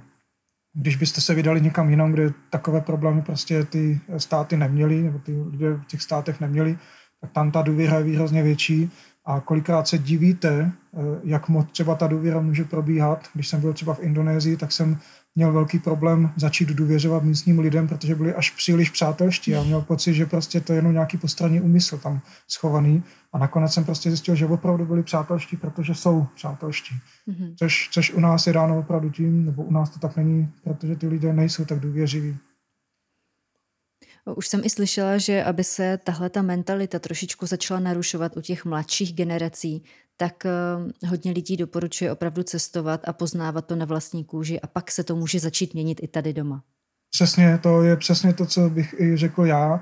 A v podstatě i sám, vždycky, když se vrátím z nějaké expedice a objevím se v Česku, na, eh, ať už na letišti nebo někde uh, jinde, tak se snažím co nejdíl si zachovat prostě tu povahu, kterou jsem, nebo tu náturu, kterou jsem si získal někde na těch cestách, ale ono to nejde. Prostě tady velice rychle se vás, jak si na vás zhrne ten tlak té povahy. Lidé jsou furt zamračení, naštvaní, nedůvěřiví a nejlepší prostě vypadnout a zjistit, že ve zbytku světa nebo na mnoha jiných místech světa tomu tak není a pokud chceme, aby to u nás také bylo lepší, tak je nejlepší prostě tuto povahu čím dál víc přinášet k nám a učit ji ty ostatní kolem nás a protože ti mladí teda mají možnost cestovat, tak já teda plně věřím, že i ten náš národ postupně teda dospěje k nějakému takovému zoptimičtění mm-hmm. a že se začneme víc usmívat a víc si důvěřovat. Nicméně, jestli se toho já dožiju, to těžko říct, to si myslím, že to bude spíše eh, záležitost dalších generací, pokud náhodou se neodehraje zase něco nepříjemného, jako bylo právě třeba v těch 70. Eh, nebo 60. letech, a nebo právě za druhé světové války. Máme jako nakročeno dobře, měli bychom touto cestou jít, ale musíme se ještě hodně učit a snažit. Já teď odbočím uh, ještě k jednomu tématu, které jsme neprobrali a které třeba v interview s vámi se objevují, a to je světelné znečištění. Mm-hmm. Vyvinula se ta situace už během těch let, co to sledujete, nějak jako k lepšímu, nebo je to pořád dost špatné u nás, konkrétně v Česku? U nás bohužel je to horší. Já si pamatuju, když jsem se začínal věnovat hvězdám, a ještě jsem teda nefotografoval, jenom jsem prostě zkoumal, co na té obloze je a byl jsem malý kluk, bylo mi nějakých 12-13 roků, tak na Sečské přehradě, kde teda máme chatu a kde jsem se věnoval hlavně rybolovu, tak jsem se trvával kolikrát dlouho do noci a na té pláži a kochal, kochal jsem se nočním nebem a byla to paráda. A, a já jsem se potom při začátku astrofotografie snažil tyto svoje vzpomínky trošku zhmotnit těmi fotografiemi a ukázat e, i ostatním, jak to tady vypadá nádherně. A už to nešlo. Nejenom, že teda na těch fotkách už prostě ta obloha zdaleka není tak pěkná, protože ta e, obloha je prostě žlutá a svítí to strašně moc, ale i z těch vzpomínek e, už to prostě není takové. To, co je dneska, je úplně jinak. A i když se stále o tom mluví, tak se to prostě nějakým způsobem neřeší. Nemohu říct přesně, proč se to neřeší takovou rychlostí, jako by se to řešit mělo. Samozřejmě můžeme se bavit o tom, že teď to zpomalil COVID, předtím třeba byly jiné problémy, ale věřím tomu, že toto je věc, která by se dala vyřešit relativně rychle, ale prostě spíše v tom jsou nějaké, skoro bych typoval mocenské zájmy, protože jinak to nelze ani vysvětlit. A o to je to horší v tom, že už to neovlivňuje jenom tu noční oblohu, to pozorování toho, té noční oblohy, ale už to dosti ovlivňuje naše zdraví. Ukazuje se, že přemíra toho světelného znečištění velice výrazně teda ovlivňuje eh, zejména teda eh, produkci hormonu melatonin, který nás chrání mimo jiné před rakovinotvorným bojením, ale eh, mimochodem třeba i český spánek už v podstatě není zdravý. Mnoho Čechů má spánkové poruchy, které jsou dány právě tím světelným smogem. A o to horší je ta situace v tom, že ve větší míře se teď instalují lampy, které svítí bílou barvou, takzvané LED diody bílé, a ty obsahují velkou část modrého, eh, modrého části spektra, modrou složku, která právě nejvíce ovlivňuje činnost eh, těchto těch eh, rytmů v našem mozku a tu modrou my vnímáme ve dne, normálně během slunečního dne, protože ta modrá tam je a ta nám vlastně, ta nás nutí fungovat ve dne. Mm-hmm. Díky tomu teda jsme čiperní a, a pracujeme, ale v podstatě v momentě, kdy zapadne slunce a měla by být maximálně nějaká lehce červená barva všude, tak stále se rozsvěcí hlavně v těch velkých městech jasné bílé lampy, které stále prostě proudí tu modrou barvu a ta modrá velice narušuje právě tyhle ty biologické rytmy v našem mozku a tím pádem to ovlivňuje naše zdraví. Takže už to není zdaleka jenom o tom pozorování té noční oblohy, ale bohužel teda si platíme za světlo, které nám ničí naše zdraví. Mm-hmm. Já možná zůstanu, nebo částečně přejdu od tohoto tématu k dalšímu. A to je, jak se změnila pozice vědce ve společnosti. Třeba když eh, my teďka tady spolu mluvíme o světelném znečištění, tak eh, někdo by to nebral třeba jako fakta, ale smetl by to ze stolu s tím, že prostě nechce, nechce tyhle ty informace vůbec brát v potaz. Přestože eh, pochází od autorit, přestože jsou prokázané, přestože je zatím, je to prostě evidence-based, ale ti lidi už to dneska nemají problém smést ze stolu. Jak se na tohle díváte, na tenhle trend? Na, nakládání s autoritami vědeckými a jejich výsledky? A to je bohužel velice nepříjemné a v nemalé míře za to může rozšíření sociálních sítí. Sociální sítě jsou dobrý sluha, ale zlý pán a tady to platí teda mnohonásob, protože sociální sítě samozřejmě umožňují nesmírně rychle rozšířit nějakou informaci, ať už negativního nebo pozitivního ražení ale zároveň dokáží jaksi velice eh, snadno eh, vytvořit živnou půdu těmto pavědcům, kteří teda, protože dneska těch informací se nám z toho internetu chrlí celá řada, tak se objeví někde mezi těmi uh, ověřenými informacemi a lidé v tom dnešním spěchu, protože těch informací je strašně moc, tak nemají ani potřebu, ani čas ověřovat, co je správně a co ne. A na tom to bohužel stojí a padá že eh, lidé se zkrátka za každou cenu eh, bez kritického myšlení eh, jak si ženou za informacemi, které jsou hlavně jaksi strhující a mnohdy ty strhující informace jsou buď to hoaxy nebo nějaké poplašné, nesmyslné věci, které se nezakládají na pravdě, ale tím spíš, že jsou fascinující, tak tím spíš se rozšíří rychleji. Hmm. Když to vědecké pravdy, které jsou takové fádnější, nudnější, tak eh, ty se tolikrát prostě nerozšíří a o to to mají ty věci dneska těžší. Takže, takže ty sociální sítě v tomto ohledu to dosti eh, jaksi eh, znevýhodnili a my vědci máme hodně co dělat, abychom se do tohohle toho prostředí, kde hlavně to fascinující, a, ačkoliv naprosto nesmyslné, objeví a rozšíří výrazně rychleji, tak abychom tam dávali některé věci, které jsou pravdivé a zkusili aspoň tomu konkurovat je to neskutečně absurdní, že vlastně vědci se snaží pravdami konkurovat tomu, co se jako lživé na tom internetu šíří. A já doufám, že eh, lidská populace postupně teda přejde do nějaké jiné fáze, že si uvědomí, že ty sociální sítě v tomhle ohledu nejsou za každou cenu velkou výhrou a začnou teda zase eh, se vracet k tomu, že přemýšleli kriticky, jako jsme to dělali kdysi, já teda vlastně ještě jsem jedna z těch eh, posledních generací, kdy sociální sítě nebyly, když jsme byli ve škole a museli jsme si všechno ověřovat. Chodili jsme do knihoven, kde knihy byly psány eh, autoritami, eh, kterým se dalo věřit. V knihovnách se objevaly jenom ty knihy, které byly ověřeny.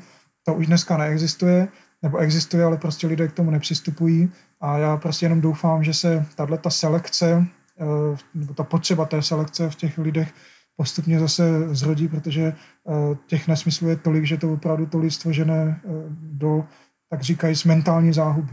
Mm-hmm. Co by podle vás věda měla dělat, nebo jaká by měla být, abyste ji považoval za užitečnou? No, tohle je spíše otázka na celou populaci. To není otázka přímo na vědce, protože každý vědec, který udělá nějaký výsledek, tak on považuje ten svůj výsledek za užitečný.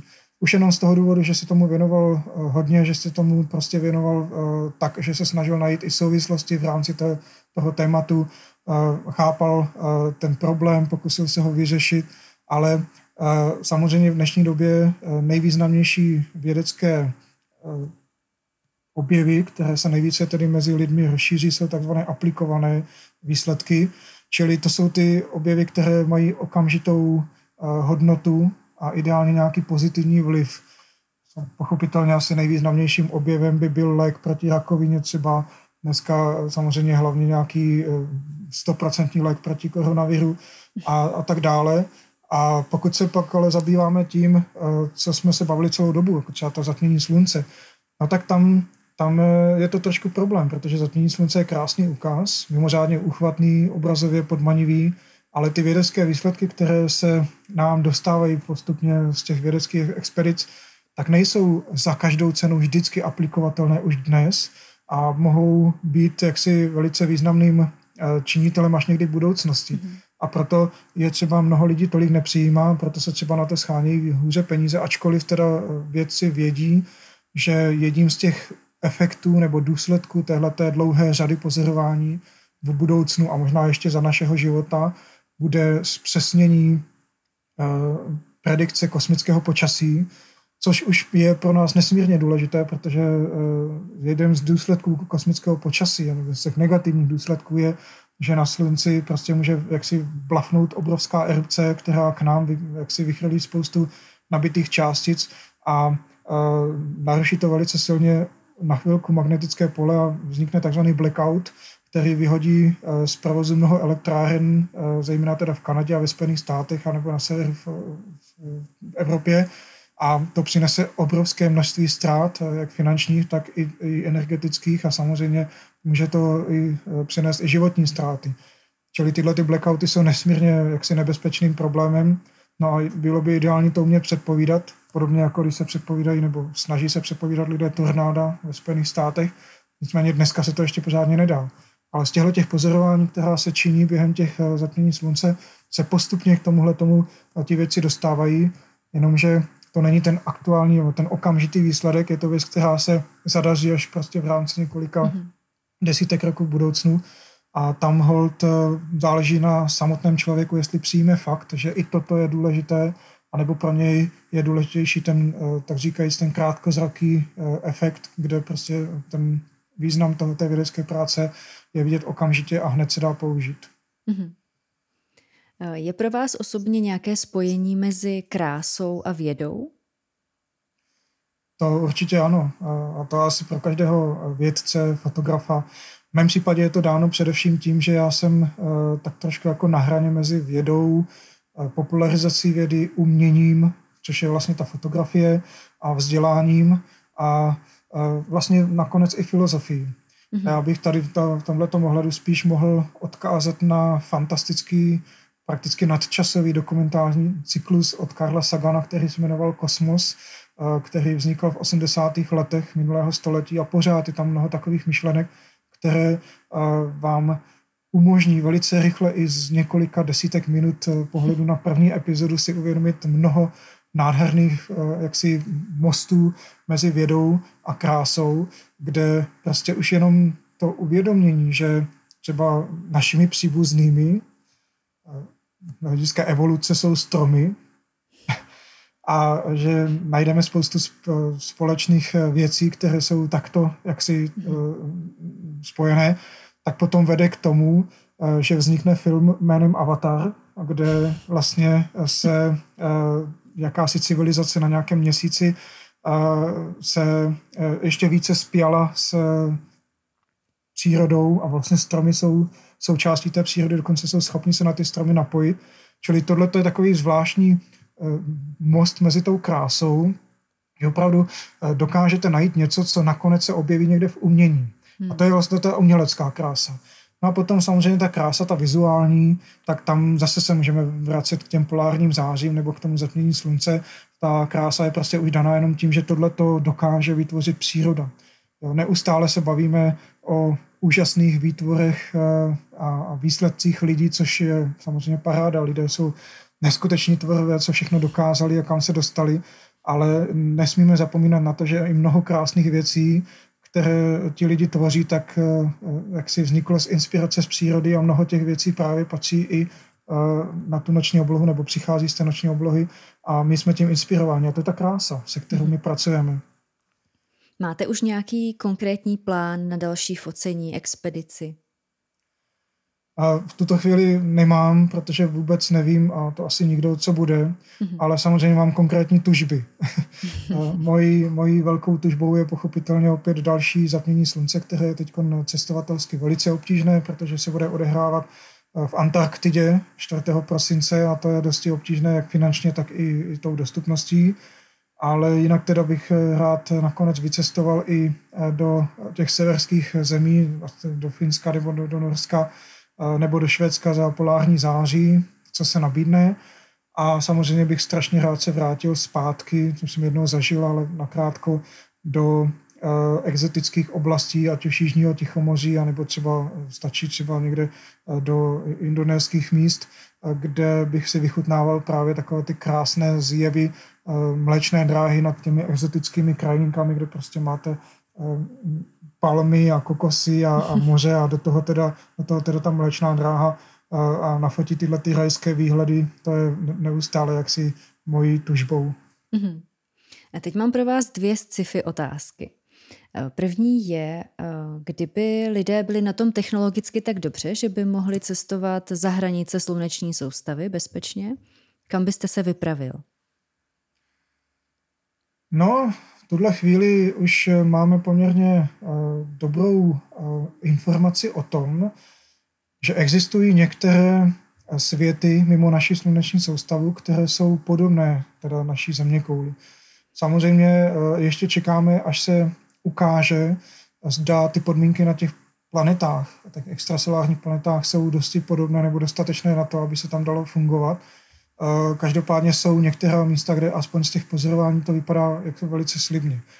Eh, konkrétní ale nám eh, data přinese až dalekohled ELT, Extremely Large Telescope, což je dalekohled, který bude největší na světě, bude mít tento zrcadlo bude mít velikost pomalu basketbalové haly 39 metrů a jedna z těch věcí, kterou bude činit, tak bude právě to, že bude spektroskopicky zkoumat atmosféry těchto těch planet a já bych eh, byl celkem za vycestovat na nějakou takovou tu planetu a zjistit třeba i zajímavosti, rozdíly, ale necestovat tam jenom kvůli tomu, jak to mnozí bohužel dneska vnímají, kvůli těžbě a, a tak dále, ale spíše kvůli tomu poznání eh, třeba rozdílného typu evoluce, eh, rozdílného způsobu vývoje geologického na té dané planetě, samozřejmě i to, jak moc máme společného s tou danou planetou a zjistit prostě, jak to s tím životem ve vesmíru funguje, protože můžeme se jenom domnívat, jestli eh, ten život se vyvíjí jinde ve vesmíru jinak, nebo naopak ten typ evoluce je vždycky podmíněn konkrétním způsobem, konkrétní cestou, takovou, jakou jsme si prožili tady my za ty tři eh, miliardy roků na naší planetě, já věřím tomu, že to je všude trošku jinak, protože vždycky tam je nějaký specifický aspekt, který eh, se nedá předvídat, ať už třeba to, že u nás dopadl asteroid, který vymytil dinosaury a nakonec eh, se eh, vyvinuli savci. Ale je to otázka, do jaké míry kmenově to může být aspoň na samém začátku stejné. Takže pro mě by to určitě bylo tohleto, prostě vycestovat na nějakou vzdálenou planetu, o které se ví, že tam jsou podmínky pro život, a zkoumat, eh, jak tam ten život může vznikat, za jakých podmínek. Mm-hmm.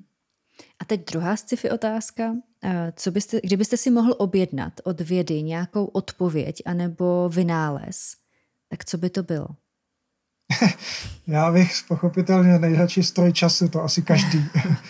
Eh, tím bych nejradši vycestoval na všechno to zatmění slunce, která jsem neviděla, protože bych věděl, kde už by byla vidět, tak bych prostě přecestoval přímo tam, kde bych je viděl ale i třeba protože bych chtěl se seznámit s těmi některými mozky, které mm-hmm. nám vlastně utvářely vědu za celá staletí a posunuli nás svými znalostmi a svojí, jaksi svým myšlením dál. Ať už to byl právě ten ikonický Albert Einstein, anebo právě pro mě tenhle ten fantastický filozof, astronom, eh, popularizátor astronomie, neskutečná osobnost eh, Carl Sagan. Mm-hmm. S ním mít možnost si popovídat o všech těchto těch věcech, a zároveň se teda snažit mu nedat pár spoilerů, jak to teda nakonec po těch 30 letech je, tak to by byl mimořádně silný zážitek. Mm-hmm.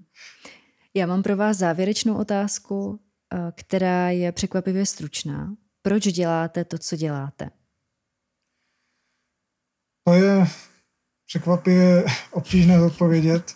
v mém případě asi je to způsobeno tím, že já jsem neměl úplně příjemné dětství a vždycky jsem inklinoval spíše k nějakým aktivitám, které nevyžadovaly sociální kontakt a nakonec teda jsem v té přírodě tolik i díky své babičce přilnul, že eh, ji pořád mám strašně rád a nejenom teda noční oblohu, ale obecně přírodu. Snažím se ji chránit, eh, nějakým způsobem ji čistit a, a podporovat všechny ty aktivity, které tu země kouli eh, se snaží před tím lidským chováním, nepříjemným lidským chováním ochraňovat. Ale zároveň teda i z toho důvodu, že vím, že prostě my jsme neskutečně zanedbatelní tvorové, ale přitom vlastně neskutečně vzácní a měli bychom si toho vážit a měli bychom uh, s tímhletím pracovat. Když si představíte země kouly v rámci celého vesmíru, tak my jsme ještě výrazně menší než třeba nějaký maličký plankton, to, to celá země koule, než maličký jako částečka planktonu v celém Tichém oceánu. My tím vesmírem plujeme tak jako eh, ten plankton, eh, i když teda jsme eh, donuceni obíhat kolem sluníčka, tak to sluníčko obíhá kolem centra galaxie, ta galaxie se pohybuje tím vesmírem celou kupou naší galaxií, celou místní kupou galaxií a tahle ta kupa se pohybuje víceméně tím prostorem ne vysloveně náhodně, ale, ale je podobně jako, ta, jako ten plankton. A přesto, že jsme tak zanedbatelní, tak eh, máme schopnost přemýšlet o, svém, eh, o své podstatě, o své pozici ve vesmíru a zkoušet si z toho vzít nějaký příklad a nějakým způsobem i třeba to aplikovat na náš všední život.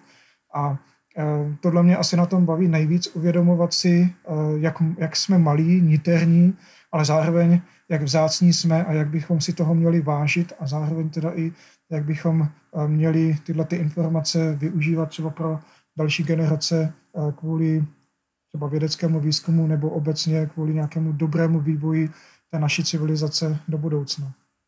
Tak to byl krásný závěr. Moc vám děkuji za to, že jste přijal pozvání do vědárny a že za to úžasné povídání. Moc děkuji a ať se vám daří. Já vám taky moc děkuji a doufám, že už jenom v lepších časech se uvidíme někde příště.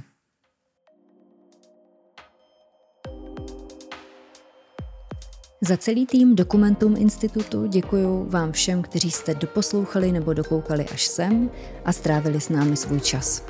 Budu moc ráda, když mi prostřednictvím sítí Dokumentum Institutu napíšete, jak se vám vědárna líbila, čeho byste chtěli více, čeho méně, na jakého hosta byste se rádi podívali nebo kterého byste chtěli ve vědárně slyšet. Budeme rádi, když nás podpoříte lajky, komentáři nebo odběrem. Pokud chcete být součástí vzniku vědárny, zaměřte na náš Patreon, kde najdete různé možnosti, jak se můžete zapojit. Jakýkoliv příspěvek nám pomůže vytvářet pro vás lepší obsah, vyspovídat více hostů a celkově posouvat vědárnu dál. Těším se na slyšenou nebo na viděnou u dalšího dílu vědárny a ať se děje cokoliv, buďte zvědaví.